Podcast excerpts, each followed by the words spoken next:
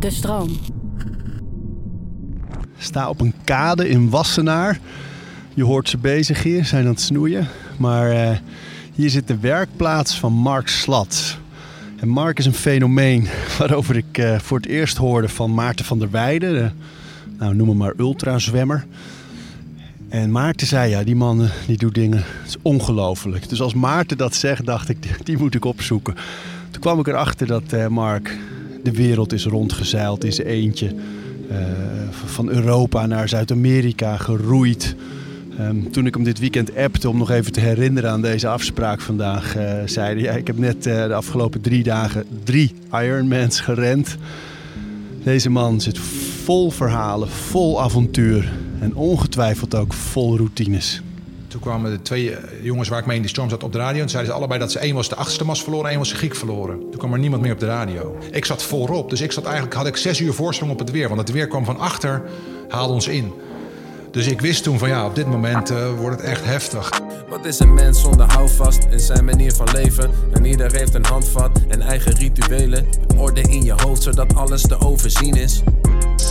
We praten over routines. Vijf jaar geleden kreeg ze te horen dat ze nog een half jaar had. Ze had, ze had tegen de 100 tumoren in de longen. En dat was ook de reden waarom ik ging roeien. Ik zeg, mam, eh, ik zeg, eh, jij bent ziek. Ik zeg, eh, ik ga de Atlantische Oceaan overroeien, maar zullen we dat samen doen?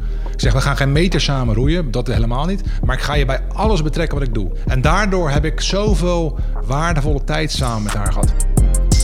We praten over routines. Ik kwam binnen in een soort werkplaats Ja. met een gym.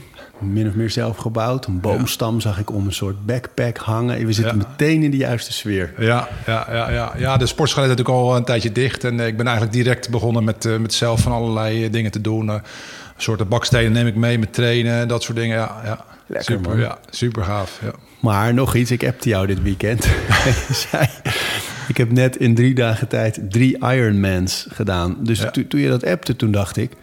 Oh, dat is iets wat hij vaker doet dan. Ja. En nu zeg je net dat het de eerste Ironman was. En Ja. meteen drie. Nou, ik moet heel eerlijk zeggen, ik had eh, een maandje geleden zei een, ke- zei een, een kennis van mij, joh, je moet eens een keer een Ironman gaan doen, want dan dat is het echte werk en eh, dan praat je wel anders na het roeien. En, eh, dus toen zei ik van, nou weet je wat, eh, laten we eens eh, afspreken over een paar weken, dan, eh, dan, dan praat ik nog wel met je. En toen had ik niks gezegd. Heb ik eigenlijk één keer 180 kilometer gefietst.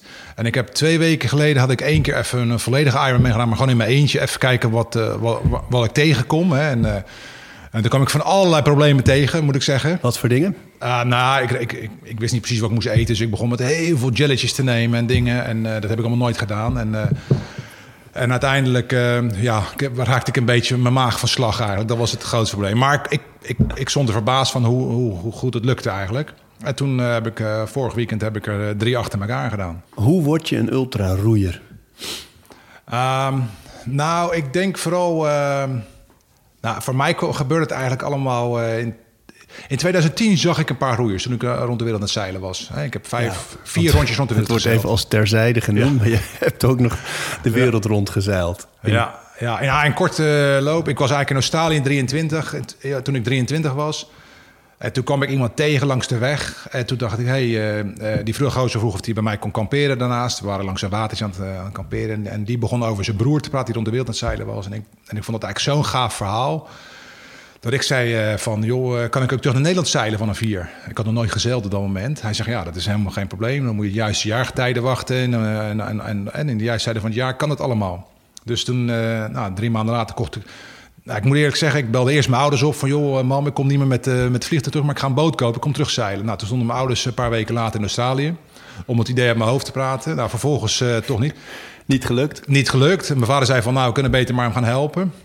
Maar een, van de dingetjes die ik tussendoor deed is... eh, is ik kwam in Darwin aan, daar was ik aan het kijken voor boten. Er kwam een, eh, zo'n advertentie, Australian Toughman Competition. En ik heb eigenlijk heel, toen ik jong was, altijd wel gebokst hier in Wassenaar op een lokaal bokschooltje, want ik woonde ik bijna naast. En, eh, en ik denk, nou weet je, dat lijkt me wel een goede keuze om, dat, om mee te doen. En het was een K1 gevecht, dus combinatie van alles. Maar kickboksen en Muay Thai had ik allemaal nog nooit gedaan. Maar ik denk, nou, ik ben nog nooit knock-out dus we zien wel waar het schip strandt. En ik werd Australisch kampioen. Nou, met het geld wat ik daarmee won, kocht ik een boot. Wacht, wacht. Nee, nee, nee. Oh, dit wordt wat, hè? Neem me even mee naar die... eh, want je kon boksen, Ja. maar, maar anderen waren kickboxers, worstelaars, van Ja. alles. Nou, Neem was- eens mee naar die wedstrijden, want... Ja, nou, het was dus een. ehm, het, het, de, de, de regels waren vrij soepel gemaakt. Puur om het feit dat, ehm, dat er een. De, of het eh, zuidelijk halfrondkampioen boksen kwam opdagen voor dit gevecht. En die kon niet zonder schoenen boksen. Dus er, was, er waren wat regels versimpeld. Dus je mocht schoenen aandoen, maar dan mocht je niet meer schoppen. Ge- gevechten mogen niet op de grond doorgaan. Ehm, dus, eh, dus, dus wanneer iemand knock-out is, dan, dan, of iemand Afstand. neergaat of uitglijdt, dan is het, stopt het gevecht. Nou, ik moest een paar eh, voorrondes eh, boksen. eh, in, in, de, in, de, in de weken de aanloop daarvoor, wat, wat sparren. En dat ging allemaal goed. Ik moet heel eerlijk zeggen, ik heb hier altijd met Nederlands kampioen getraind, met Vet Westgeest. En eh, die is ook twee meter, weegt 110 kilo, die is wat zwaar. Dus ik heb heel goed geleerd van hem om achteruit te boksen. Want als ik vooruit bokste, dan eh, werd mijn kop eraf geslagen. Dus ik, ik had daar een hele techniek op wi- ontwikkeld. Ik kon links voor, kan links voor staan, ik kan rechts voor staan. Ik kan, kan heel vervelend boksen voor iemand die heel erg aanvalt. En, eh, nou, en, dus, en, in Australië moet ik zeggen, is het niveau heel anders dan in Nederland. Nederland, hè, in de bokschool waar ik jaren heb gebokst, heb ik één keer iemand knock-out zien gaan. In Australië gaat gewoon elke training gaan er drie man knock-out. Weet je wel, dat is gewoon heel normaal daar zo. En dat is een hele andere manier van trainen. Maar in ieder geval, er zijn, eh, waren drie partijen op één avond. En eh, de eerste partij was de simpelste eigenlijk. Zou de snelste, de saaiste partij doen ze aan het begin van de avond. Nou, dat was ik. En dat was tegen het uh, zuidelijk halfrond kampioen, jongen van 130 kilo. Die, eh, ik weet nog goed dat ik in de kleedkamer aan mij vroeg: hoeveel partijen heb je gebokst? Ik zeg: Nou, geen één. Ik zeg: En jij? Hij zegt: Ja, ik heb er 180. eh, Ik heb er, en hij had er geloof ik 83 op knockout gewonnen of zo. Zo. Dus, dus eh, ik zeg: Ik moet even naar de toilet. En eh, ik ben toch een beetje zenuwachtig.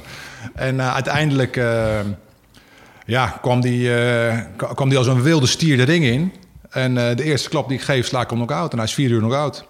En eh, ja, want ondanks dat ik niet de grootste arm heb, niet de grootste. eh, ja, ben ik heel pezig en ben ik wel sterk, weet je wel. Dus, eh, dus en daar verkeek hij zich op. En nou, de tweede partij van die avond was, was een jongen, ja, die kon gewoon knokken. Elke stoot die hij gaf was, was genoeg om drie keer nog uit te slaan. Maar het was heel wild en heel ongecontroleerd. Dus, dan kon ik, dus ik sloeg hem drie keer knock-out in een minuut. En elke keer hem... te- Technical knockout. ja, technical. Hij stond net zo hard op als dat hij neerging, weet je wel. En, maar eh, eigenlijk gaf hij eh, een serie van, eh, van 20, 30 stoten. En toen liet hij zijn armen zakken, was hij moe. En dan kon ik er overheen gewoon gaan peren. En, maar ik moet wel zeggen, elke stoot die hij gaf was een knock-out, weet je wel. Dus je moet dan echt op je hoede zijn. En de derde partij was een... ja, was een jongen die zijn, had zijn schouder uit de kom in de eerste partij. Dat was nummer twee op de wereldranglijst kickboksen. Dus dat was best wel, was best wel een, een heftige. Was ook net zo zwaar als mij. Al die anderen waren veel zwaarder. Maar ik was toen 91, 92 kilo. En, eh, En je dus, bent twee meter ongeveer. ja, dus ja, ik ben nu aan. 102, 103. Ja, maar ik had toen een infectie aan mijn arm gehad de weken daarvoor. Dus ik had een... eh, dus ik, wa- ik, was, ja, ik had heel veel antibiotica gehad in die twee weken daarvoor. Dus ik was, eh, Verzwakt. was heel erg verzwakt daardoor. Maar eh, op, door de adrenaline me- merk ik dat niet hoor, denk ik. Maar in ieder geval, de, tweede partij, de derde partij was dan... eh, had zijn scha- en ik dacht van, nou, ik ga hem wel even verslaan... zonder zijn schouder te raken, weet je wel. Want ik voelde me ook wel een beetje overmoedig. Maar ik moet eerlijk zeggen dat... die jongen die, was, kon zo, die ging zo vervelend schoppen. Die wist ook dat hij niet in de buurt van armen moest komen. Dus die ging eh, ja, die low kicks geven op mijn knieën en, eh, ja. en in mijn ribben. En toen ging hij op een gegeven moment begon hij er tussendoor te schoppen. En toen gaf hij in één keer een schop. Dat ging heel raar. En ik dacht eigenlijk dat hij, dat hij het omdraaide om naar de hoek wou lopen of zo. Ik weet niet. Maar toen schopte hij dus achterwaarts. Schopte hij vol mijn kin. En, eh, en toen ging ik neer. maar ik gleed ook uit. Ik, nou, ik, ik, ik ging niet helemaal knock-out. Maar ik zag wel wat eh, flitsen en licht en eh, wat raars. Maar ik kreeg geen acht tellen. Dat was heel goed. Dacht dat je uitgelegen was. Ja, dacht ik uitgeleed. En, eh, en toen dacht ik, ja, nu moet ik... toen schrok ik eigenlijk zo dusdanig dat ik dacht van... nu moet ik wel even... Toch maar op die schouder. die schouder. Dus ik, ik, ik, ik stootte er door en ik uh, zijn schouder te kom. dus, en toen liep hij gelijk de ring uit. Dus hij was zo boos als hij erover. ja. En toen had ik genoeg geld gewonnen om een boot te kopen. En, ehm, en daar is het avontuur wel een beetje begonnen. Eh, en, en daar heb ik wel mezelf leren kennen. En dat maar die had je nog nooit gezeild. En toen zeilde je terug van Nou, Australië ik- naar Nederland. Ja, ik moet heel eerlijk zeggen, ik had, een, eh, ik had, een, ik had het idee was om een boot te kopen en dan eh, genoeg geld over te houden om een cursus te doen. Uh, Zo'n offshore cursus van, maar dat kostte weer 3000 euro. Maar toen ik de boot kocht, had ik nog maar 2000 euro over. Dus, dus ik had. Ja, daar was geen geld voor. Dus uiteindelijk bleef het bij een boekje kopen van 40 euro. En, eh, en ik, ja, ik weet nog goed dat ik op een boot van 15 meter stond. En ik denk, waar is die spinnekerpaal nou voor? En waar is dit voor? En hoe gaat dat? En, maar ja, en dan ben je 23. Dan heb je nog helemaal geen idee. Ja, weet je, ik gooide de boot de eerste keer. Want er lag de boot Maar nog ook geen angst dus. Want Nee. dat is het natuurlijk, die, die Nee, oceaan. gewoon doen. En dat is denk ik mijn, mijn kracht wel. Hè. Ik bedoel, eh, ik, ik zie die angst niet zo heel erg in. En eh, ik maak me ook niet zo heel erg zorgen over. Ik, ik los... Maar dat, dat, dat bouw je ook op. Hè. Door, door een jaar Australië rond te reizen. Door te gaan boksen. Dan, dan, dan, dan, ik heb bij de marine gezeten. En, ik heb allemaal wel dat soort achtergronden natuurlijk. En, en, dat leer je dan wel. eh, door problemen te tackelen terwijl je er eh, tegenaan. Maar, maar bijvoorbeeld, ik had de eerste keer... De, toen ik de boot kocht, lag die in de haven. Maar de haven was 60 euro per dag. Weet je wel, daar heb ik geen geld voor. Dus ik denk, nou, ik ga wel even ergens van anker. En ik had in een baai daar een stuk allemaal bootverankers. En ik denk, waarom liggen die boten nou allemaal eh, ja, de 500 meter van de kust of van het strand af? Joh? Ik ga lekker dicht bij het strand liggen. Dan, eh, dan kan ik zo naar het strand zwemmen s'avonds, weet je wel. En, eh, Toen werd het app. ja, maar ik vaar hier op de, op, op, op, de kaag altijd. Dus daar heb je natuurlijk helemaal geen hoog en laag water, weet je wel. Toen ging het water zes meter naar beneden daar zo. Lag die boot er in één keer droog, weet je wel. En dat soort problemen kreeg ik. En, eh, en toen realiseerde ik me ook, toen ik aan terug... Ik kocht een boot van 30 jaar oud, maar alles was ook 30 jaar oud. Dus elke dag gingen er dingen stuk. En altijd dingen maken. En, en, en alles wat stuk gaat, kost ook veel geld in de botenwereld. Dus ik was eigenlijk... Nou, ik mijn Mauritius, aan. Dan moest ik weer gaan werken om, eh, om, om, om een nieuwe achterslag te kopen. En dan ging ik weer op een vissersboot werken. En, en overal waar ik kwam, zei ik altijd... Weet je, ehm, ik, eh, ik werk gewoon gratis. Geef me maar een maal aan het eind van de dag. En als het me bevalt, neem je me de volgende dag aan. En met die instelling kreeg ik altijd overal werk. En, eh, en ik ben taxichauffeur geweest in Durban. Tenminste, ik huurde een auto en dan ging ik al met al die jachtmensen naar de gameparken brengen, weet je wel. En dan kreeg ik 50 euro per dag, weet je wel. En, en dat soort dingen deed ik eh, onderweg om, om mijn geld te verdienen. Maar ja, dat heeft me wel de persoon gemaakt die ik nu ben geworden, denk ik. Dat, was Hoe lang wel heb je erover gedaan? 18 maanden heb ik over gedaan. 18 maanden. Ja. ja, met een budget van 100 euro per maand, zeg maar. Dus eh, dat is bijna niks. Oh joh. Hoe kwam je aan? Ja, dat was. eh, ik kwam in Scheveningen aan hier. Ja, dat is super gaaf. En eh, ik, ik had gezegd, ik ging in Antigua, was ik de, de, laatste, de laatste stop. En eh, ik weet nog goed dat ik de laatste 50 euro met een maat had opgemaakt daar zo. En de volgende ochtend moest ik weg, want ik had helemaal... Nou, we hadden aan bier opgemaakt. we waren gaan drinken en er was een feest en dingen. En eh, nou, ik zeg, ik, ik betaal alles vanavond, maar het is maar 50 euro. En, eh, en ik heb nog steeds contact met die jongen ook wel eens. En nou, toen de volgende ochtend naar huis. En ik had gezegd, jongens, ik kom tegen al mijn vrienden... ik kom de 27 juni aan. En om 10 uur 's ochtends. En ja, heel wonder boven wonder kwam ik ook... eh, hoefde ik de reis eigenlijk maar even een paar uurtjes uit te stellen. In Dover heb ik even één telefoontje gepleegd naar huis. Van, joh, het komt allemaal goed. Want ik vertrok natuurlijk en niemand wist waar ik was. Want ik had, ik had geen reddingsslot aan boord. Ik had geen telefoon aan boord. Ik had helemaal niks. En eh, ik ging echt old school, eh, deed ik dat. En... en ik weet nog goed dat ik in Dover aankwam en dat ik met mijn roeibootje, ik had een heel klein roeibootje had ik.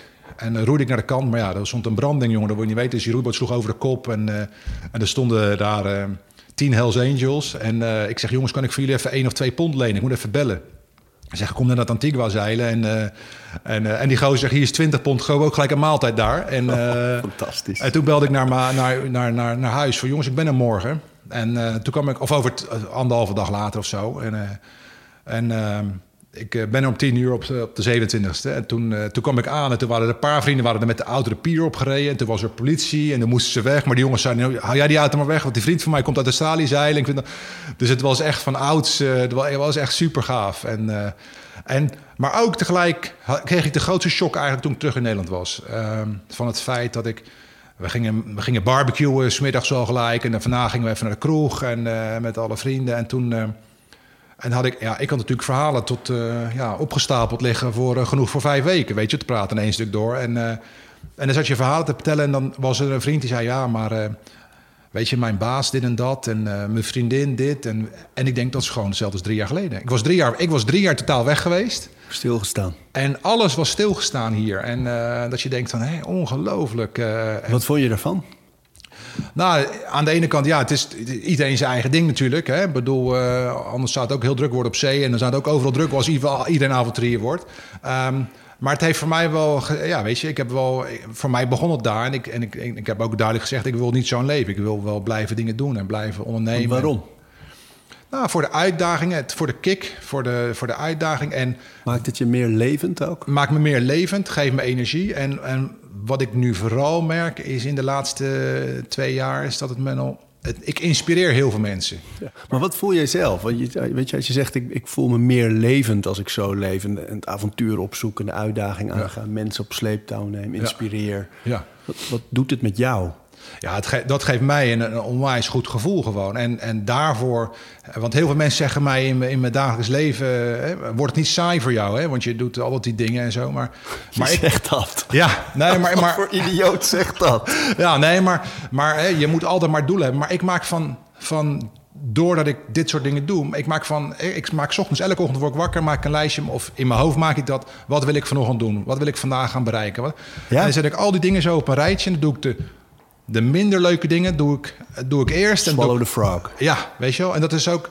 Uh, en, maar doordat ik zo'n doel heb waar ik naar uitkijk... Want, want, want uh, zeg eens wat meer over dat lijstje. Hoe, uh, dus vandaag bijvoorbeeld, wat, schrijf je dat op met de hand? Ja. Nou, ik schrijf... Nou ja, soms doe ik het...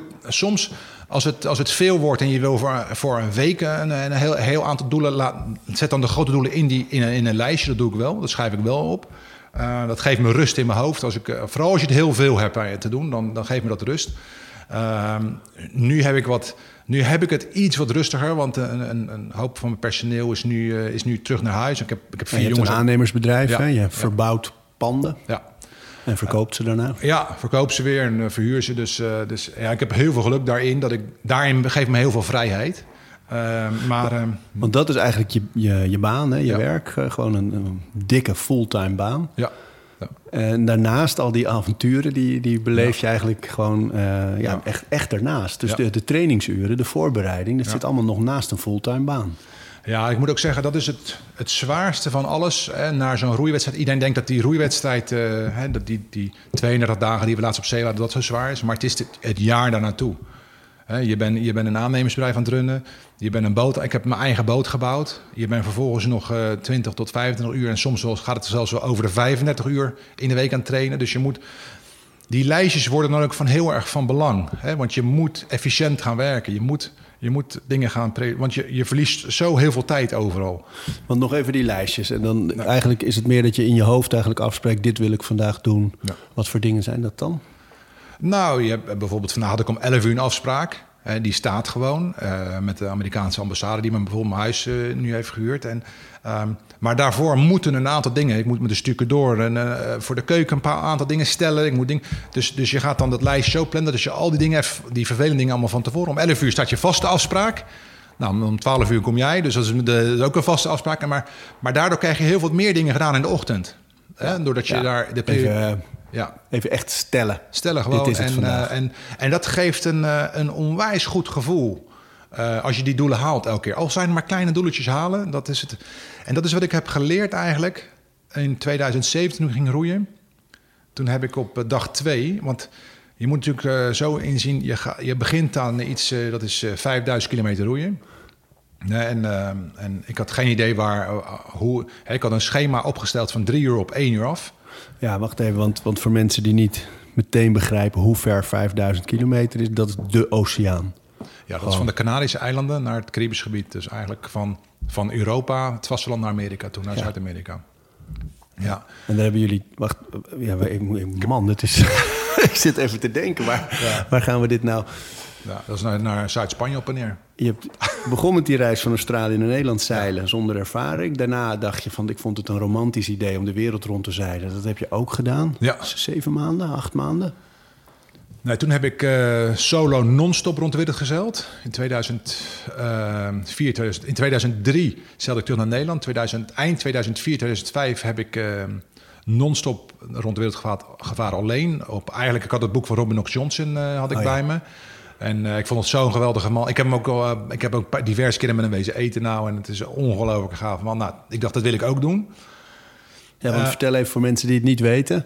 Dat is eigenlijk een beetje de pionier op dat gebied. Ja, ja, er zijn drie Nederlanders die dat hebben gedaan. En totaal 200 mensen in de wereld maar die dat hebben gedaan. En ik heb het twee keer gedaan ondertussen nu. Ben je daar de enige in? De, de enige die twee Nederlander? Keer, ja, die twee keer heeft gedaan, ja. Ja, en... Ik ging toen van Scheveningen naar Scheveningen. Ik moet heel eerlijk zeggen, dat uh, was een hele zware trip. Uh, Uh, ik ben er daar ook. Ik hou heel erg van competitie. Ik, ik, ik, maak nog een wedstrijd van een eitje bakken bijvoorbeeld. En dat vind ik mooi. En in mijn werk doe ik dat ook. En, en ik wil altijd alles. Ik stel altijd doelen en ik wil dat binnen een bepaalde tijd halen. Dus ik heb heel erg. Maar wanneer jij in je eentje rond de wereld zeilt en er is nergens competitie om je heen, niemand die je bij, niemand die je mee kan praten. En je kan naar huis bellen, maar niemand heeft het enige idee wat het, hoe het is om in 20 meter golven met winkel 12 te varen. Hè? Want dat gebeurt namelijk in de Zuidelijke Oceaan eigenlijk de helft van de tijd. Um, hoe blijf je dan in die boot? Zit je dan vastgebonden? Ja, ja, als je, ja je, je, je, spandeert veel tijd binnen. Maar er zijn stormen waarbij, uh, waarbij alles fout gaat. Waarbij je misschien wel 20, 30 uur met de hand moet sturen. En dan zit je dubbel aangelijnd. En, uh, en, en, en ja, ik ben, om, ik ben één keer overboord geslagen, maar ook gelijk weer aan boord geslagen. Maar, Door een golf? Ja, ja. En, uh, maar ja, dat, is, dat is heel belangrijk dat je altijd goed aanlijnt. ja. En dan hè, met adrenaline op zo'n moment dat je van, van zo'n boot ge, geworpen wordt. Ja. De zee in, meteen er weer uit. Ja. Zit er ooit angst voor de dood bij jou? Ja, zeker. En um, nou, ik moet heel eerlijk zeggen, dat heb ik in de Zuidelijke Oceaan uh, diverse keren gehad. En de laatste keer deed ik met de Golden Globe race mee. En, dus ik had in 2004, 2005 solo non-stop rond de wereld gevaren. In 2000 en toen heb ik een hele tijd gewoon uh, weer gewerkt. En toen in 2016 besloot ik om te gaan roeien. En in 2018 zag ik van de Golden Globe Race. En, uh, en in die Golden Globe Race, uh, iedereen zegt dat denkt dat het roeien heel gevaarlijk is. Maar dat roeien over de Atlantische is, is, is, is, zie ik eigenlijk als niet zo heel gevaarlijk. Maar het zeilen in de Zuidelijke Oceaan is veel, veel gevaarlijker. Komt dat? Nou, door, het, door de weersinvloeden. Ik bedoel, de grootste, sterkste tankers die daar eigenlijk rond, rondvaren op deze aarde... die vermijden alles boven de 10 meter golven. En ze kunnen tot 12 meter, maar alles boven de 10 meter, dat vermijden ze. Daar varen ze omheen. Maar waarom is een roeiboot dan minder gevaarlijk dan een zeilboot? Nou, die roeiboot doe je in een beter gebied. Hè, dus doe je in de tropen. En de maximale wind die je daar krijgt is windkracht 8. En de maximale golfhoogte is, is ja, Elk jaar hoor je mensen over 10 meter praten, maar ik denk dat het maximaal toch wel 5 meter is. Misschien een keer 6 meter. Als er twee golven elkaar net in passeren of zo. Uh, maar dat is toch wat maximaal. In de Zuidelijke Oceaan praat je over. worden de wekelijks gemiddelde gemeten van 20 meter. En uh, windsnelheden lopen daarop tot, tot 70, 80, 90 knopen wordt daar gewoon gemeten. En uh, windkracht 12 is 63 knopen plus. Uh, dus je praat over meer dan 12. Maar het is daar gemiddeld gewoon 40, 30, 40, 50 knopen. Dus het is gemiddeld altijd winkel 7, winkel 8. En dan ben je alleen, hè? En dan ben je alleen. En, maar maar wat, ik, wat ik heel erg merkte, ik was nu in de Golden Globe zijn met 20 boten gestart. En zijn er vijf uiteindelijk aangekomen.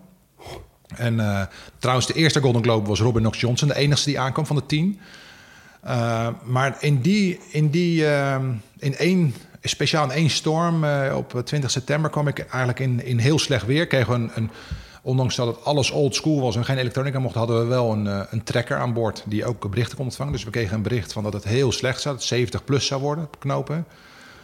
En, uh, en toen kwam er dus een moment dat, dat... En wij hadden hele ouderwetse radio's aan boord... waar we met de boten met elkaar konden praten. Nou, in de eerste hadden we gezegd... we elke drie met elkaar praten. En toen in de tweede sessie van drie uur, uh, toen kwamen de twee jongens waar ik mee in die storm zat op de radio. En zeiden ze allebei dat ze één was de achterste mast verloren, één was de Griek verloren.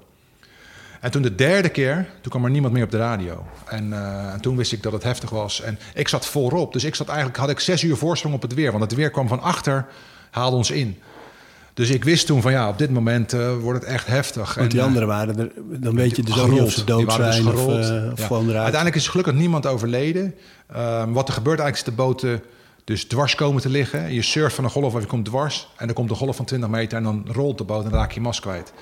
Dat is wat er gebeurt. En, nou, en, en ja, dan, dat was een moment voor mij dat ik, dat ik dacht, ja, weet je, nu kan het best wel eens het laatst zijn wat we aan het doen zijn hier. En, en, maar, maar bedoel je dan dus het laatste van hierna rollen we en dan, en dan ja. komt iemand ons eruit ja, vissen? Of bedoel je ja. het is klaar met leven? Nou ja, je, het, het, kan klaar zijn met leven. Ik bedoel, je kan natuurlijk zo uh, gewond raken. Een boot kan, hè, de mast kan afbreken. En die kan ook zo weer de romp terug ingaan, weet je wel. Want die, die breekt natuurlijk die breekt niet helemaal af en je bent hem kwijt. Die, gaat, die komt naast, aan die kabels naast de boot te liggen. En dat is natuurlijk allemaal, er kunnen van allerlei scenario's gebeuren. Maar Um, wat ik heel bijzonder vond in zo'n moment is wanneer je accepteert dat hè, je, je, je, het eigenlijk accepteert waar je in de situatie waar je in bent, dan um, wordt je geest heel rustig. Dan Hoe doe je, je dat? Hè? Hoe doe je dat? Ja, dat, dat uh, moet ik heel erg zeggen, dat weet ik ook niet. Uh, ik, ik, ik, maar ik weet wel, wat, wat, wat, wat mij heel rustig maakte, is dat ik ik had voor alles een noodplan gemaakt, opgeschreven.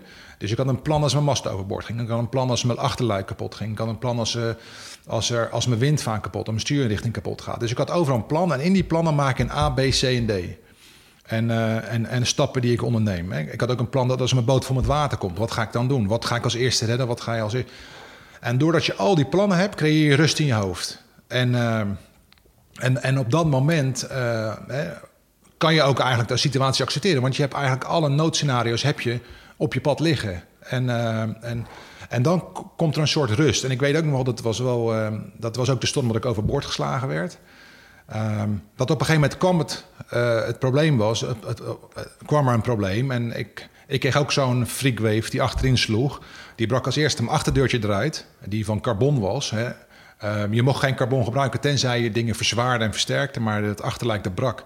Vervolgens stroomde er twee, drie ton water in de boot. Dus ik stond tot, tot, tot mijn middel in het water in het schip. Er brak een brand uit, de windinrichting, stuurinrichting uh, brak. Uh, het dek-rondverbinding kwam los. Uh, er gebeurde eigenlijk een heel scenario ehm, eh, van, van mijn noodplan 1, 2 en 3. Was allemaal wel een stukje. En, en toen dan, dan kikt gelijk dat overlevingsinstinct in. En dan word je heel rustig, want je hebt het allemaal bedacht. Je hebt het allemaal al in je hoofd gedaan. He, want, ik had, want je hebt dat lijstje, dat loop je door. Maar dat ga je ook dan allemaal in je hoofd, die scenario's ga je allemaal voorbereiden. Uh, in, die, in, die, in de dag, dat, in die 24 uur voor die storm. En, uh, en ik had er één dingetje bij gedaan in die storm. Ik dacht, ik ga nu maar beginnen met bidden. Dat lijkt me wel heel, uh, een heel goeie. En, uh, en ik ben katholiek opgevoed, maar het is niet dat ik nou elke week naar de kerk ga. Maar ik dacht, dit lijkt me goed. En ik ben dan eigenlijk vooral... moment om eens te gaan bidden. om, te, en, om rust te creëren. En, de koffie slaat aan. Oh, ja, hij is hem aan het schoonmaken. Ja. Ja. Maar in ieder geval... en toen toen dacht ik, ik ga, ik ga een routine inbouwen. Hè? Want dit gaat, nog, dit gaat nog 24 uur duren. En uh, dus, dus nou, eerst was de eerste noodzakelijke ding was hè, dat luik repareren, het water uit de boot pompen. En ik had één plekje vuur gemaakt. uitmaken. Uh, ja, het, dat vuur dat ging eigenlijk direct ook weer vanzelf uit. Want uh, de boot kwam eigenlijk schuin te liggen, dus ook alles kwam onder water. Dus mijn radio, alle installaties, alles ging kapot ook op dat moment. Ehm, en vervolgens ja, ben ik gaan zitten met twee pompen tegelijk gaan pompen en uh, het water draait. En, en toen had ik ook uh, de scenario in mijn hoofd van... Nou, ik moet nu met de hand gaan sturen. Dit gaat nog wel, uh, nog wel 20 tot 30 uur duren. En die routines? Nou ja, en, en wat, wat ik eigenlijk toen... En toen, da, toen ik buiten zat... Toen, toen werd ik direct overboord geslagen, eigenlijk binnen 20 minuten. En toen dacht ik, dat sturen dat kan gewoon niet. Ik moet de windinrichting, windstuurinrichting weer gaan maken. Dus toen heb ik dat gemaakt. En toen ik overboord geslagen werd, toen dacht ik, dat bidden, dat werkt. dat gaan we nu elke tien minuten doen. En toen, ik, en toen uiteindelijk had ik die windinrichting, uh, die bestuur, de besturing eigenlijk van de boot weer gemaakt. Dat ik niet meer zelf hoefde te sturen. En toen, dat werkte ook veel beter. En, uh, en toen heb ik die routine gemaakt. Dus van elke tien minuten uh, doe ik een rondje rond de boot. En in die tien minuten kijk ik, ga ik naar buiten. En denk ik, heb heel groter in, in mijn boot staan... Be stronger than your excuse. En, uh, en Um, en dat is het grootste probleem eigenlijk van alle mensen, denk ik, die in dit soort situaties. Ze sluiten, mensen sluiten zich gewoon op. En ik heb het bij. Ik, ik heb, er zijn 15 boten uiteindelijk vergaan in deze race. En ik heb ze alle 15 gesproken in deze situaties. En allemaal heb ik ze daarna ook weer gesproken. En allemaal vertellen ze een heel ander verhaal. Um, want als het echt heel gevaarlijk wordt en echt, dus, en echt angstig wordt en, en je bang wordt om naar buiten, dan is het heel makkelijk om het luiken dicht te doen en gewoon binnen te gaan zitten. Zoals mensen in het leven ook doen als ze ergens bang voor zijn. Ja. ja. en ik had dat heel groot, be strong in excuse. En, en, uh, en, en als er iets is, dan is er geen excuus om het niet te maken. Want je wil hier uitkomen en je wil, je wil verder. Hè? En, uh, maar je kijkt eigenlijk angst recht in de bek, hè? Ja. dat is het ook gewoon, er vol in. Ja, ja. en... en en dat, dat, ik ben in, in die storm diverse keren naar het voordek geweest. Nou, ik kan je vertellen, wanneer die boten, wanneer een golf van 20 meter komt en je staat voor op de punt. Dan hang je, je eigenlijk hang, handen en knieën zie je eigenlijk. Dan kijk je gewoon naar een gat van 20 meter naar beneden. Dat is net alsof je op een flatgebouw staat. En, uh, en het, is, het, is, het is allemaal best echt wel heel spannend. Uh, maar wanneer je de dingen blijft doen, dan dat geeft je heel veel rust. Je houdt eigenlijk vast aan die routines. Ja. Elke 10 minuten. En en wat dan ook uh, heel grappig is, is dat, je dan, dat ik dan in die, hè, dat buiten naar buiten kijken, dat duurde eigenlijk maar een minuut. Ik had gewoon een rondje dat ik kon kijken. Ik ging niet helemaal naar buiten fysiek, tenzij er wat aan de hand was. Maar ik ging naar buiten, ik het luik uit, kijken. Dan keek ik naar de voorstag, keek ik naar de achterstag, keek ik naar, naar alle dingen. Zit het lijn nog allemaal goed? Um, Vervolgens naar binnen. Als er wat was, dan ging ik dat natuurlijk fixen. En vervolgens ging ik naar binnen en dan ging ik iets doen in de boot voor twee minuten. En dat, was me, dat kon zelfs mijn gasfornuis opruimen zijn of schoonpoetsen. Of, en dat is natuurlijk helemaal geen weer voor. Maar ik ging iets doen in de boot. Ik ging iets opruimen, iets schoonmaken, iets, iets aan kant maken. Twee minuten activiteit. Twee minuten activiteit. En dan had je ongeveer, was er vijf minuten vergaan, of vier, vijf minuten. En dan vervolgens dook ik heel snel in de, in de voorpunt. Want dat was de enige plek. Daar kon ik op een spinnakerzeil leggen en een spinnakerzeil. Want je moet natuurlijk ook zien dat het best wel gevaarlijk is. Want die boot kapseist elk uur. Zeg maar, dat er met de mast wat water in gaat of een golf achterop breekt. Dus het is allemaal best wel heel gevaarlijk uh, op dat moment. Dus je wil niet te veel doen. En op, en op dat moment uh, dat ik voor in de punt ging liggen... dan ging ik proberen te luisteren. Uh, er zit een bepaald geluidje in de boot. Dat hoor je eigenlijk alleen maar als heel weinig wind. Een soort kabbelend water. Maar ondanks dat het de meest heftige storm is... kan je, dat geluid, kan je alles isoleren en dan kan je dat geluid kan je vinden. Dat kan je horen. En dat is eigenlijk een soort mediteren gewoon, denk ik. Ja. En uh, dat is wat ik mezelf heb aangeleerd. En dan ging ik naar dat geluid proberen te zoeken en te luisteren. En op het moment dat ik dat vond, dan gaf me dat rust.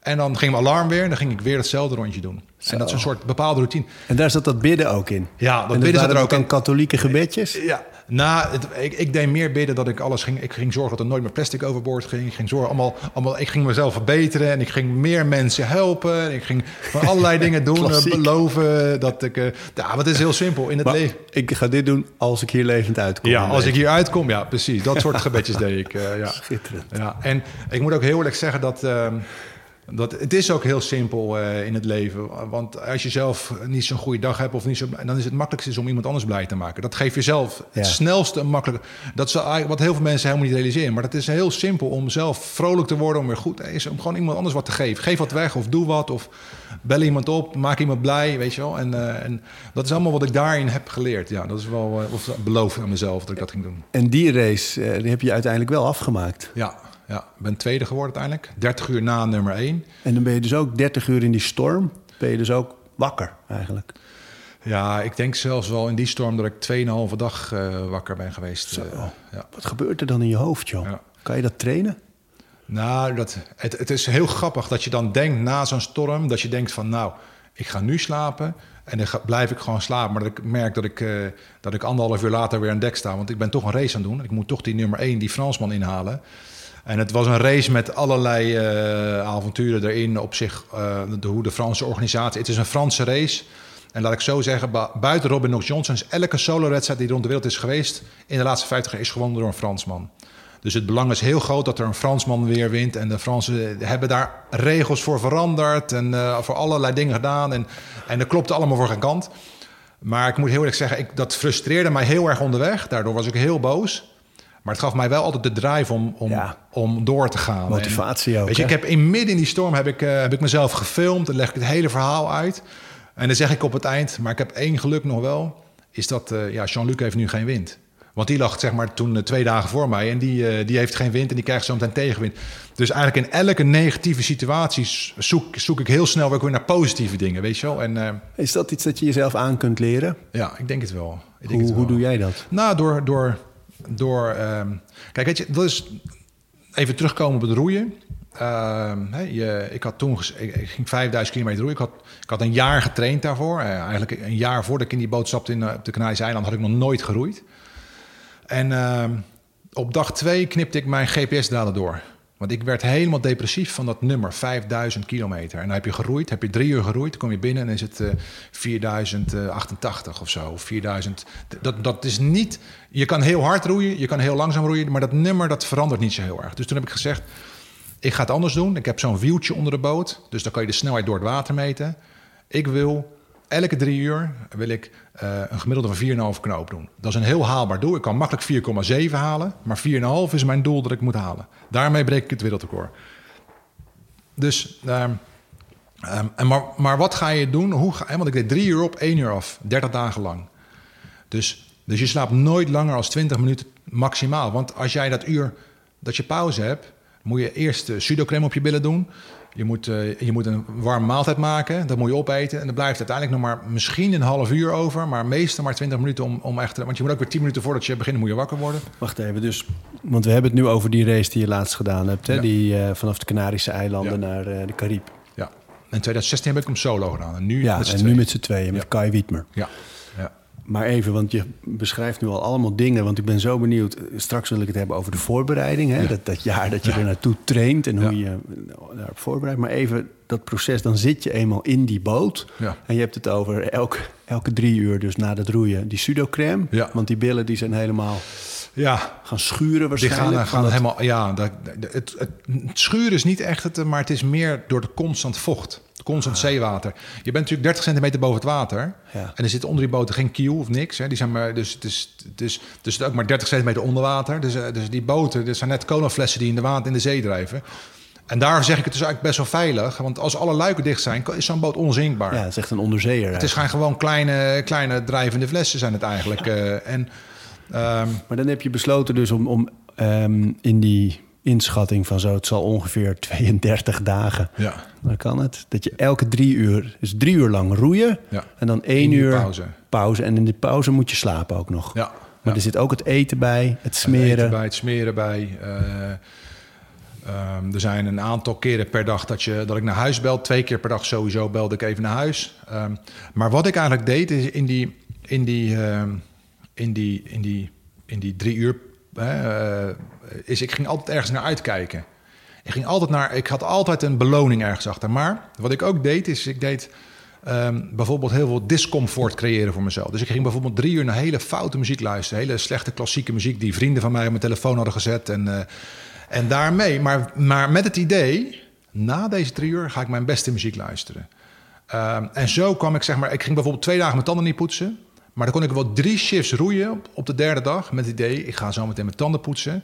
En dat wordt het, me- het meest goddelijke ooit, weet Dus je creëert eigenlijk die discomfort, hè, dat ongemak Ja. creëer je Ja. om jezelf te belonen. En, en die beloning geeft je zoveel kracht en energie dat je een paar En van dat- die shifts volhoudt. Ja, en dat doe ik nu nog steeds. Hè. Bijvoorbeeld, ik ging eh, een paar weken geleden, dat was het nog rond het vriespunt, ging ik even het dakkapel hier schilderen in de straat. En dan dacht ik, nou weet je wat, dat doe ik dan in mijn t-shirt. Eh schilder het dakkapel. En om, om vervolgens aan de achterkant van het huis de tweede dakkapel te schilderen in de zon. En dan doe ik mijn trui weer aan, weet je wel. Maar dan ga ik eerst eh, dat, hè, dan ga ik hem sneller schilderen. En eh, dus, dus dan creëer je een beetje discomfort om zo meteen ergens naar, naar uit te leven. En, En waarom doe je dat dan ook? Want ik kan me voorstellen in, in zo'n roeiwedstrijd dat het functie heeft. Hè? Ja. Maar zo'n dakkapel schilderen, waarom dan? Nou, om, om, ja, voor mij en mezelf is het gewoon is, is het eigenlijk weer kleine overwinningjes die, je- die, die, eh, die je dat hele euforische- dag door. Ja, de hele dag doe ik elke dag eigenlijk doe ik dat soort dingen. Ja, ja. En dat was ook weer met die, eh, met die, met die drie Ironmans. En dat, dat, dat was eh, ja. Ik kon gewoon de nacht ervoor niet slapen. Ik was zo enthousiast om dit te gaan doen. En terwijl elke andere persoon eigenlijk, eh, eigenlijk eh, echt best wel zenuwachtig zou zijn. Maar ik had er echt zo'n zin in. Ik raakte mega aan diarree de avond ervoor van de zenuwen gewoon. Omdat ik, en ik was een uur van tevoren al wakker om, om dit te gaan doen. Eh, dus ja, ja. Fantastisch. Ja. En even de, de, de tocht die je nu net gedaan hebt. Hè? Die eh, met Kai. 32 dagen met Kai. Ja. Ehm, eerst even de training daar naartoe. Ja. Hoe lang ben je in training om zoiets te doen? Eh, met Kai waren we ongeveer anderhalf jaar in training. Eh, wat is de training dan? Want ik, ik, even terzijde, er staat hier een schaal... Ja. waarbij andere mandarijnen liggen op tafel. Er sta- zit hier eh, Isotonic Energy Gel, allerlei soorten, merken. Ehm, van die sportachtige poeders, ja, Beta Fuel... nog meer Energy Gel. ja, Mag ik er eentje pakken? ja, tuurlijk. Ja, En bars, volgens mij. ja, Lekker, ja. denk ik. ja. Dit is allemaal dit is je voer voor tijdens elke Nou, dit is tijdens het, dit is tijdens het, eh, tijdens het duurdingen die we nu, eh, die, die ik nu de, en die, tijdens die Ironmans heb gedaan. Eh, tijdens het roeien eet je wat meer, eet je wat meer vast, vast eten. Want het- met het roeien met Kai hebben we twee uur op, twee uur afgedaan eigenlijk. Dat hebben we de hele weg gedaan. Maar het naartoe is eigenlijk... wij zijn eigenlijk allebei begonnen met... eh, met ehm, dus altijd duur, maar maar 50-50 aan het begin. Dus meer op fitnessen erbij doen. Om de spieren die je veel gebruikt sterker te maken. Dus Kracht. Ja, dus vooral roeien denkt iedereen altijd aan, eh, aan de armen en eh, schouders. Maar roeien is echt benen en core. Ja, hè? dat is het alle, alles waar. Je core krijgt Doe je, welke, doe je veel deadlifts of veel? veel deadlifts, ja. Squats. squats, reverse row. ik, ik vind ook mijn bovenrug ook eh, belangrijk. Daar krijg ik veel last. Als je zo lang bent, hè? Ja, ik moet heel eerlijk zeggen, iedereen heeft ook van eh, zijn eigen, eigen pijntjes en eigen dingetjes. Hè. Bijvoorbeeld Ralf Tuin, die Nederlandse grootste oceaanroeier eigenlijk, die, die, die, die elk jaar wat doet. Ehm, die heeft bijvoorbeeld nooit last van zijn core. Ja, dat is natuurlijk net, uh, net, net hoe net, iedereen is daar anders in als het ware. Dus ja. uh, ik had daar heel veel last van. Uh, ik heb daar veel, dus ik train daar meer op, maar dat je meer spier. En geleidelijk de weg ernaartoe ga je steeds meer op, op duur. He, want op een gegeven moment is het, heb je spiermassa opgebouwd. En dan gaat eigenlijk, je blijft altijd wel drie, vier keer in de week fitnessen. Maar die gaat dan veel meer lange duur doen. En, en het fitnessen is, uh, train je dan op, op veel herhalingen? Um, nee, ik train eigenlijk ja, veel herhalingen. Dus 12. Um, je begint met setjes van 12. Ik doe vier setjes altijd 12. En dan eindig ik bij uh, mijn derde set is maximaal. Doe ik er 15 of 18 met een bepaald gewicht. En dan, uh, en dan, en dan de laatste is weer 12, zeg maar. Dus ik, doe, ik ga bouw 3 omhoog. En dan één met iets minder gewicht. En dan, en dan alles eruit. Uh, ja, vol pompen. Ja, en dan het eerste jaar deed ik, zat ik de deadlift op een gegeven moment met 180 kilo en zo. En dan vier, vijf keer. Of, en dan maxi was er 200. Nu heb ik, moet ik heel eerlijk zeggen, hebben we deadlift hebben, heb ik anders gedaan. Uh, heb ik uh, veel meer met, uh, met, met minder gewicht, dus 100, 120 kilo, dan setjes van 30 en zo doen. Wow. ja. Dus, dus dat je dat. dus, dus ook in die spieren die uithoudingsvermogen te creëren. Ja. Het gaat natuurlijk niet om. Kijk, de Atlantic Campaigns, de organisatie, het zijn allemaal Engelsen. die, zeggen, die zeggen: je moet fitnessen, je moet sterk worden, je moet spiermassa. Maar ik ben ook een beetje naar, die, naar de jongens van triathlons gaan kijken, Ironman. Er zijn ook niet, er zie je ook nooit jongens met zulke spierballen, nee, weet je wel. zit alleen maar in de weg. Ja, ja die functioneel alleen, trainen. Ja, dus, uh, dus, dus meer uithoudingsvermogen in de spieren, spieren creëren, dat is wat het belangrijkste. Um, wat ik met Kai vooral heel belangrijk vond, is, ik, heb, ik had het natuurlijk al gedaan. En ik wist gewoon, bijvoorbeeld, de eerste vijf tot tien dagen is het zwaarst. Dan gaat het lichaam op allerlei manieren protesteren. En wat gebeurt er dan? Nou, je, je, je, bent natuurlijk zo. Hè, bedoel, ik verbrandde. Um, ik at, ik, de laatste keer met Kai hebben we allebei rond de 12, 13.000 calorieën per dag gegeten. En ik was nog steeds 10 kilo afgevallen. De vorige keer was ik, had ik 18 kilo afgevallen. Voor mensen die niet weten hoeveel dat is, dan, als je best wel veel sport is, 2, 3000 is het zo. Ja. Dat is een beetje normaal. Ja, ja. ja en jullie hadden? Wij aten 12 tot 13.000 12 tot 13.000 calorieën per dag. per dag. En nog steeds viel af. Dus volgens de artsen van uh, dingen had ik bijvoorbeeld op de eerste roeitocht uh, 18.000 calorieën per dag verbrand. Hè? Want je kan ook weer een kilo wat je afvalt, is ongeveer 7.000, 8.000 calorieën. Dus dan kan je, weer, dan kan je allemaal weer nummers aangeven. Um, maar ik moet, uh, moet eerlijk zeggen, um, wat het allerbelangrijkste was wat ik met Kai over, overlegd had, is, is, is wij moeten zorgen dat we die eerste dag, dat we dat getraind hebben. De eerste dag gaat het zwaarste worden. Want uh, we gaan weg bij de Canarische eilanden. We gaan, en mijn doel was dit jaar, of ja, dit jaar, was alle vier persoonsboten verslaan met twee man. En want dat was me de eerste keer bijna gelukt. Maar ik wou per se uh, al die Engelsen, want het zijn natuurlijk 80% van de roeiers zijn Engelsen, om alle Engelsen te verslaan die met z'n vieren zijn, met twee man. En, en uh, nou, ik weet het wattage wat ik roei en, en, en ik hou alles bij. In de laatste drie jaar hebben we alles bijgehouden van alle topteams. En we weten ook wat een wattage. En ik wist, ik wist dat als wij gaan samen gaan roeien, twee uur op twee uur af, we hebben goede wind, dan kunnen we de jongens bijhouden. Maar wanneer het geen wind is, dan gaan we het gewoon verliezen van een vierpersoonsboot. Dat is 100% waar. Ik bedoel, we kunnen gewoon niet het wattage leveren wat hun dan leveren. Maar doordat wij lichter zijn, hebben we een voordeel met meer wind. Um, de eerste dag dat je weggaat bij de Canarische eilanden, heb je nooit wind. Want die eilanden staan echt als torens eigenlijk, of als hele grote bomen in die oceaan. En het wind draait daar omheen en je krijgt een beetje tegenwind, zijwind, geen wind. Het is, het is een heel raar gebied, de eerste 100 kilometer of 100, 150 kilometer. Dus ik had tegen Kai gezegd, wij gaan de eerste 30 uur... want als we goede wind hebben, dan kunnen we 1 tot 3 kilometer per dag uitlopen op een vierpersoonsboot. Als we doen wat we hebben getraind.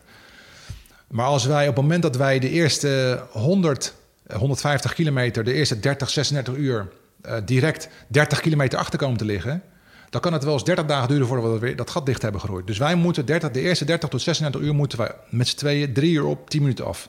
Geen slaap, geen pauze. Uh, het is echt drie uur, drie uur roeien, 10 minuten eten en dan weer, weer roeien. Want anders gaan we, dat, gaan we een gat slaan. En, en ik had een heel plan gemaakt en ik zeg, en, na 24 uur, de volgende ochtend om 11 uur, want we vertrokken dan op, om 11 uur, dus na 24 uur de volgende dag. Als we dan nog de teams bij ons hebben, als we ze nog kunnen zien, dan gaan, we, dan gaan we gas geven. Dan gaan we alles op alles zetten om ze weg. En dat plan dat was precies zo uitgepland. Want we hadden gewoon drie vierpersoonsboten binnen een straal van, uh, van een halve kilometer om ons heen. Iedereen volgde ons ook. We lagen vanaf, vanaf de eerste minuut op kop. En dat hebben we nooit meer weggegeven. En dus we zagen die boten dan dichterbij komen. Op het moment dat wij tien minuten pauze hadden, kwamen ze dichterbij. En dan op het moment dat wij weer met z'n twee roeiden, konden we weer iets uitlopen. En toen, na 20 uur, had ik gezegd van... en nu Kai, nu is het alles of niks. Want nu wil ik binnen, voordat het donker wordt, wil ik ze niet meer zien. Dus dat hebben we gedaan. En want dan tegen Wat betekende dat in roeien? Dus dat je in, in, qua snelheid? Nee, want jullie gingen dus uh, ja. drie uur op tien minuten af. Ja. Drie uur op tien minuten af. Ja. Maar als je zegt, nu gaan we alles op alles zetten. Ja, want we roeien altijd, ja, je roeit in de hartslagzones. Hè, dus roeien constant in de hartslagzone 100, rond de 135, 140. Uh, nu gaan we, ja, en nu gaan we het eventjes opschroeven naar 155, 160. Weet je, om, om te zorgen dat we, dat we binnen drie tot zes uur die jongens helemaal niet meer zien. En toen wij die jongens later in Antigua tegenkomen, is precies wat er gebeurde. Want er gebeurde eigenlijk om 11 uur soms kwam er eentje voorbij roeien. Ik zeg, en nu gaan we gaan. Dan roeien we hem zo weer voorbij. En, dan, en, dan, en die jongens in Antigua, toen wij daar aankwamen, toen zeiden ze gelijk van... Uh, ja, toen we jullie zagen wegroeien daar, toen hebben we de strijd opgegeven, weet je wel. Want uh, toen wisten we dat dit, dit, is van een andere planeet, deze jongens. Die kunnen we, dit, wat we doen, doen we. We kunnen ze toch niet bijhouden. En je moet zo zien dat een drie persoons of een vier persoonsboot altijd de eerste 36 uur met z'n drieën gaan roeien. Dus drie, want dan heb je drie, kan je drie uur roeien, heb je één uur pauze. Dan kan je roleren met vier roleren, ja, ja, Dus uiteindelijk gaat iedereen twee uur op twee uur afdoen. Want dat is hè, 12 uur per dag. Alles geven is eigenlijk best wel veel al. Um, maar uiteindelijk hebben we vanaf dat moment hebben een voorsprong gekregen. En, uh, en dat hebben we zo vastgehouden. En wat wij dit jaar, hè, want ik, ik heb natuurlijk in mijn eentje heb ik het sneller geroeid, dus nu met z'n tweeën. Dus heel veel mensen zeggen, ah, hoe kan dat? Maar dat komt dan, wij hebben dit jaar het, het, ook het weer in de, in, de, in de tropen veranderd. Het, ja, wind, het weer verandert hier. Allemaal wind. Ja, en het is, we hebben twee weken gewoon geen wind gehad, wind tegen gehad, uh, van allerlei kanten. En, en in die twee weken is er wat heel... Want eigenlijk op dat moment lagen we 60 mijl voor. Dus zeg maar een 110 kilometer voorsprong hadden op dat moment na 10 dagen. Dus we liepen ook meer uit dan we hadden gedacht. En, ik had ook, en dat kwam ook omdat we op een gegeven moment tegenwind kregen. En toen zei ik tegen Kai, en dat had ik ook van tevoren gezegd... wanneer tegenwind wordt, wanneer de situaties zwaar worden... is wanneer we het meeste kunnen winnen. Want daar zijn wij voor getraind. En daar gaan we ook niet meer lopen jammeren, lopen huilen over dit of dat wanneer wij in plaats van vier knopen doen, maar één knoop doen, dan is de kans heel groot dat, we, dat elke mijl die we uitlopen voorsprong is. Want wanneer, wanneer het slecht weer wordt, en tegen, dan gaan al die boten, dan gaan ze allemaal uh, medelijden met zichzelf krijgen, het zwaar krijgen. En dat is wanneer wij gaan winnen. Wanneer wij, en dat gebeurt. Je gewoon mentaal sterker dan. Ja, door je mentaal en door het ook voor te bereiden. Hè. Dit hebben wij, wij hebben tien keer of acht keer hebben wij uh, zo'n roeisessie van 30 uur gedaan, weet je wel? Om te weten waar sta je na 30 uur. Paardenconditie, joh. Ja. Ja, want, maar... want hoe in de training, hoe, hoe, dus je krachtdeel snap ik. Maar om die paardenconditie op te bouwen, hoe, hoe train je in de voorbereiding naar die conditie toe? Ja. Of is dat een basis? Nee, dat, dat, um, dat is echt iets waar je door, door veel te doen. En ik, ik moet heel eerlijk zeggen, um, duursport is gewoon best wel eentonig. Hè? Ik bedoel, uh, um, maar het, het, is het gewoon. Ehm, de eerste keer dat je 100 kilometer fietst, weet je nog wat toen ik thuis kwam, dacht ik: holy shit, wat is dit? Wat gebeurt er nou met me, joh? En, uh, um, maar als je dat drie keer doet, dan, uh, dan ga je gewoon 180 doen. En, uh, en, en, en, op een gegeven moment ga je, ga je, zet ik een roeimachine neer en ik denk: nou, ik ga, ik ga eens kijken hoeveel marathons kan ik achter elkaar roeien. Hè, hoeveel, uh, hoe, hoe, lang kan ik het volhouden? Logisch. En ja, en ik start op, en ik start op ehm, zaterdagavond 12 uur. Denk, dan doe ik het in 24 uur. En dan nou, ik stopte op een gegeven moment zondagmiddag om uh, na 18 uur stopte ik, want ik moest gewoon maandagochtend weer werken, weet je wel. En ik denk, moet ook door ergens voor een Waar keer. zat je toen? Ik zat op de vijfde marathon, dus uh, ja, ja. Dus ik denk, 5 keer 42 kilometer. Ja, ja. En, en ehm, maar ehm, ja, en dat, dat, ja, door gewoon te doen. En eigenlijk, het klinkt heel raar, maar ehm, de ergometer is heel saai, maar daardoor heel lang op te zitten en heel lang te roeien, creëer je wel. Uh, ja. Heel veel mensen zeggen: ja, ik ben mentaal heel sterk, dus ik kan dat roeien wel. Ik, maar dan zeg ik altijd: hoe word je, denk jij, mentaal sterk? En dat is echt door dit soort dingen te doen. Maar nog even over het mentale hè, in die boot, dat jullie daar dan samen. Dan heb je die conditie opgebouwd in de training. Ja. Um, maar er moeten toch momenten zijn ook dat je dat, dat in je hoofd gaat zitten. Ja, we, we, ik wil stoppen of niet. Komt dat nooit? Um, nee, dat, dat komt nooit. En dat was eigenlijk ik moet heel eerlijk zeggen, um, um, ik had de beste maat ooit met het roeien. Nu met Kaaien was is, is echt een. Wij hebben 32 dagen op zee gezeten en we hebben nooit een, discussie gehad, nooit een ruzie gehad, nooit. Het was echt altijd, we waren met elkaar bezig en. Uh, en dat was altijd goed. Maar dat kwam omdat ik heel erg duidelijk van tevoren doelen had ingesteld. Weet je, we gaan elke dag praten over wat willen, hoeveel willen we bereiken. Want toen wij die, bijvoorbeeld die twee weken windstilte kregen, toen hadden we 60 mijl voorsprong. Twee weken windstilte. En toen wisten wij ook dat we. En, en, wind tegen en geen wind. En toen wisten wij ook van. Van op dit moment uh, gaan we gewoon mijlen. We hebben 60 mijl voorsprong, maar het kan best zijn dat we over 10 dagen nog maar. dat we weer gelijk liggen, op nul liggen. En toch hebben we elke dag toch nog de, die doelen. die hebben we toch nog weer uitgelopen. En hoe doe je het met de wc?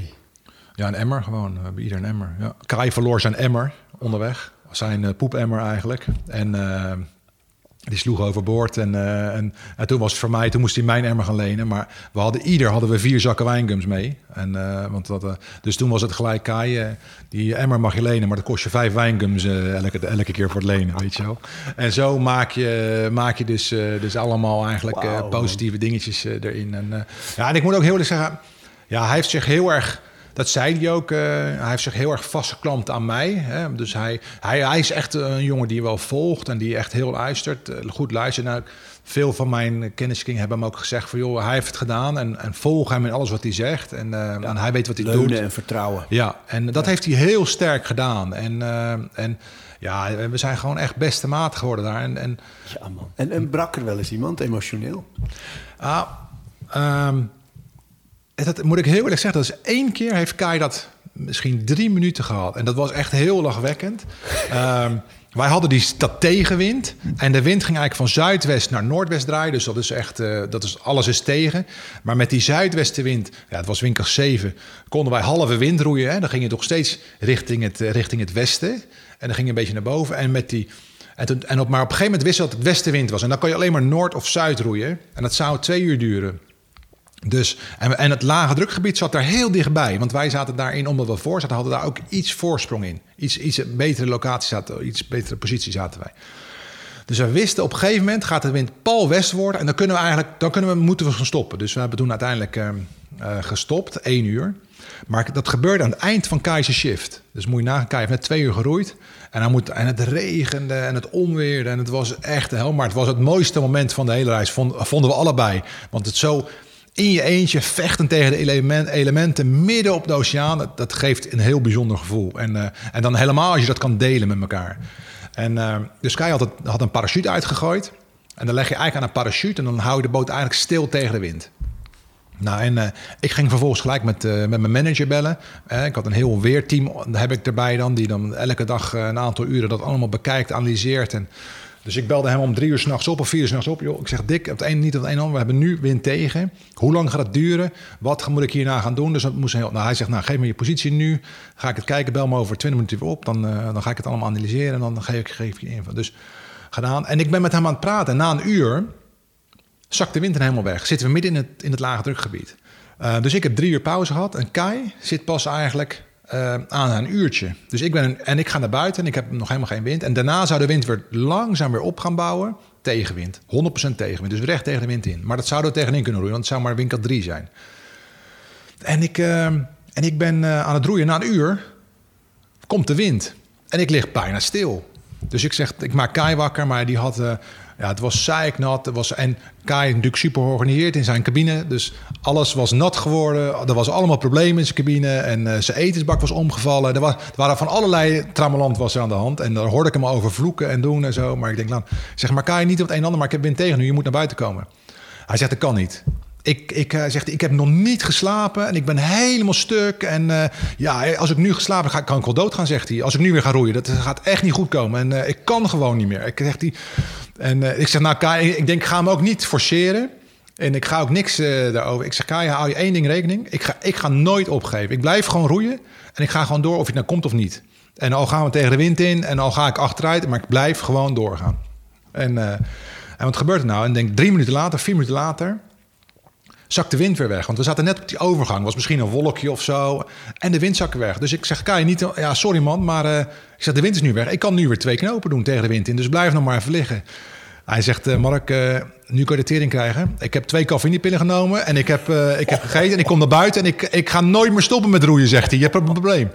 En toen kwam hij naar buiten. En dat was zijn drie minuten in die 32 dagen dat hij eigenlijk even protesteerde. En toen zei hij, kwam hij naar buiten... Ja, sorry Mark, het spijt me dat ik zo... Ik weet niet wat me overkwam. En ik zeg, Ka, je hoeft ja, maar ik wist dat je naar buiten zou komen. En ik wist dat, dat, dat, dat je zou komen. Dat het misschien een kwartier zou duren.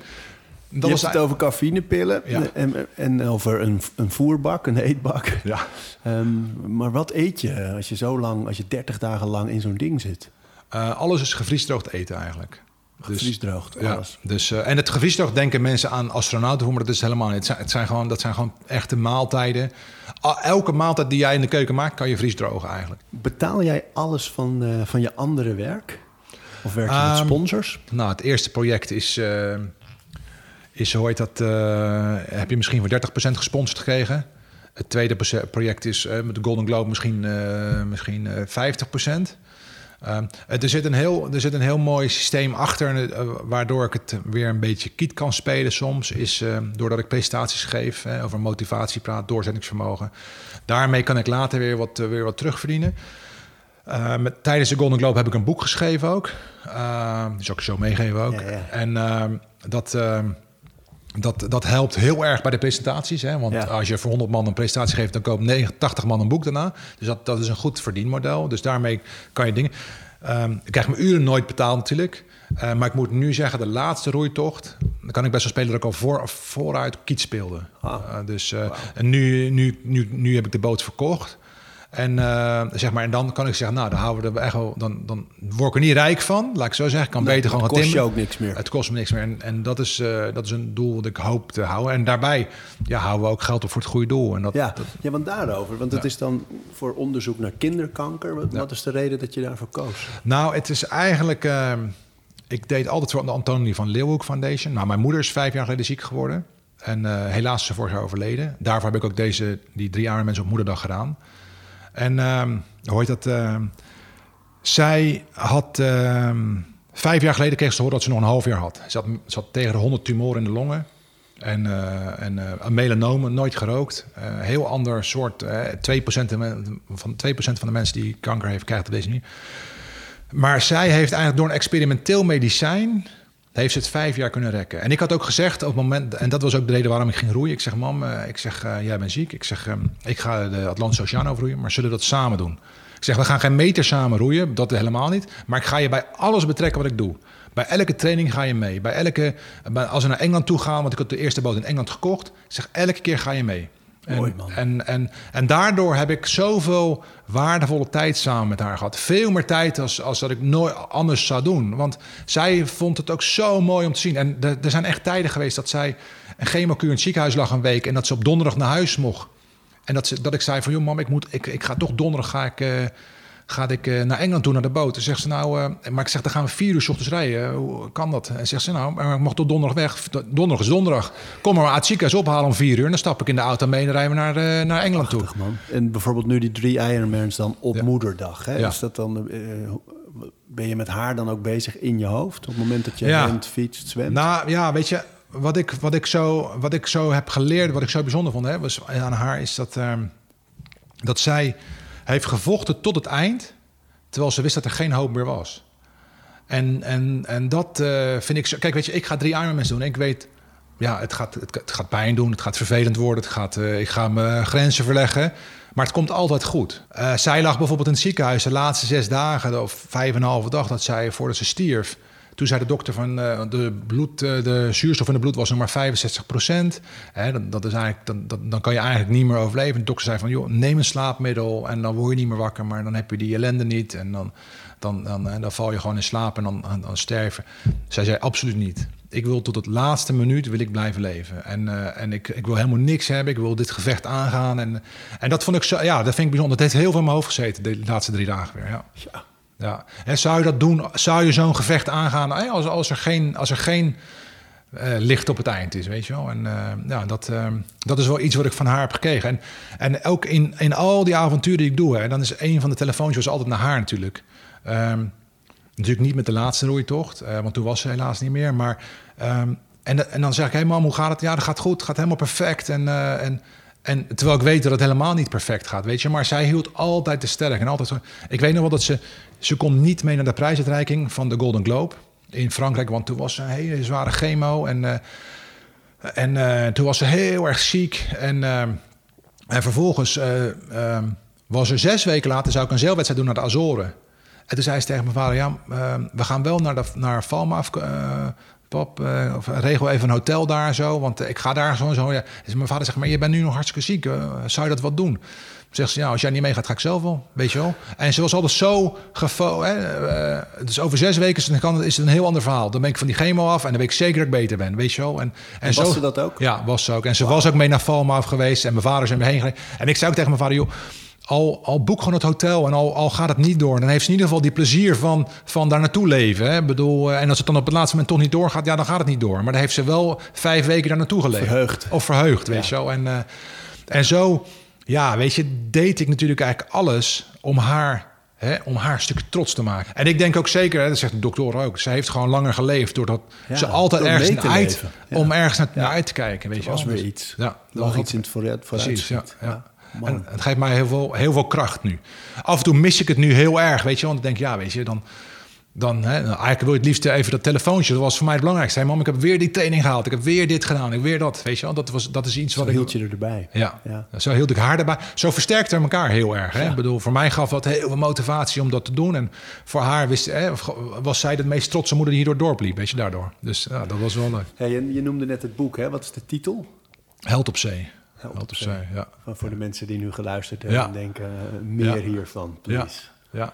ja. Leuk. Vond, het is heel veel.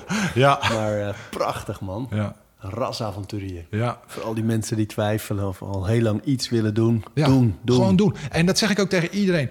En, en begin gewoon met een mini-avontuur. En het hoeft niet Atlantische Oceaan. Ga gewoon op een zondag eens een keer 40 kilometer lopen. Uh, iedereen kan dat. Of ga eens een keer 30 kilometer, als je niet zo fit bent. Maar verleg die grenzen. Als je altijd 10 kilometer loopt, loop eens een keer 25 kilometer. Of ga eens een keer gewoon... Uh, ik kon vorig jaar of twee jaar geleden... kon ik geen vlucht krijgen naar Engeland. Ja, kon wel, maar dat was 500 euro. Terwijl ik normaal... En mijn boot lag na die Azoren race nog in Engeland. Ik moest die boot halen en... En ik dacht, uh, ja, wat de fuck, ik ga niet 500 euro voor een ticket. Vorige week vloog ik nog voor 60 euro terug of, of 100. Ik ga niet 5. Weet je wat, ik ga morgen gewoon fietsen naar Engeland. Dan zie ik wel wanneer ik aankom en uh, fiets ik naar Calais. Dan pak ik daar, de kost 10 euro met de ferry naar de met de fiets. En, en ik lag op bed en ik, was, ik werd wakker om drie uur, of om twee uur, om drie uur. En om vier uur dacht ik, ja, ik ga eruit, ik ga nu beginnen met fietsen. Want ik heb zin. Fiets ik 360 kilometer in een dag, weet je wel. En, uh, en ik was gewoon daar de volgende avond om één uur, was ik gewoon in, in Brighton, waar mijn boot lag. En denk, ja, en dat geeft zo'n goed... En de volgende dag zeilde ik gewoon terug. Hè. Om ochtends om zeven vertrok ik met de juiste tijd, weet je wel. En, en dat is wat ik mensen wil mee te geven. Hè. Buiten die comfortzone, als je buiten die comfortzone is, is, is waar, waar echt heel veel mooie dingen gebeuren. En waar je, waar je, die, echt, waar je die rewards krijgt. En waar je die, ja, dat vind ik wel. Uh, Prachtig, ja. man.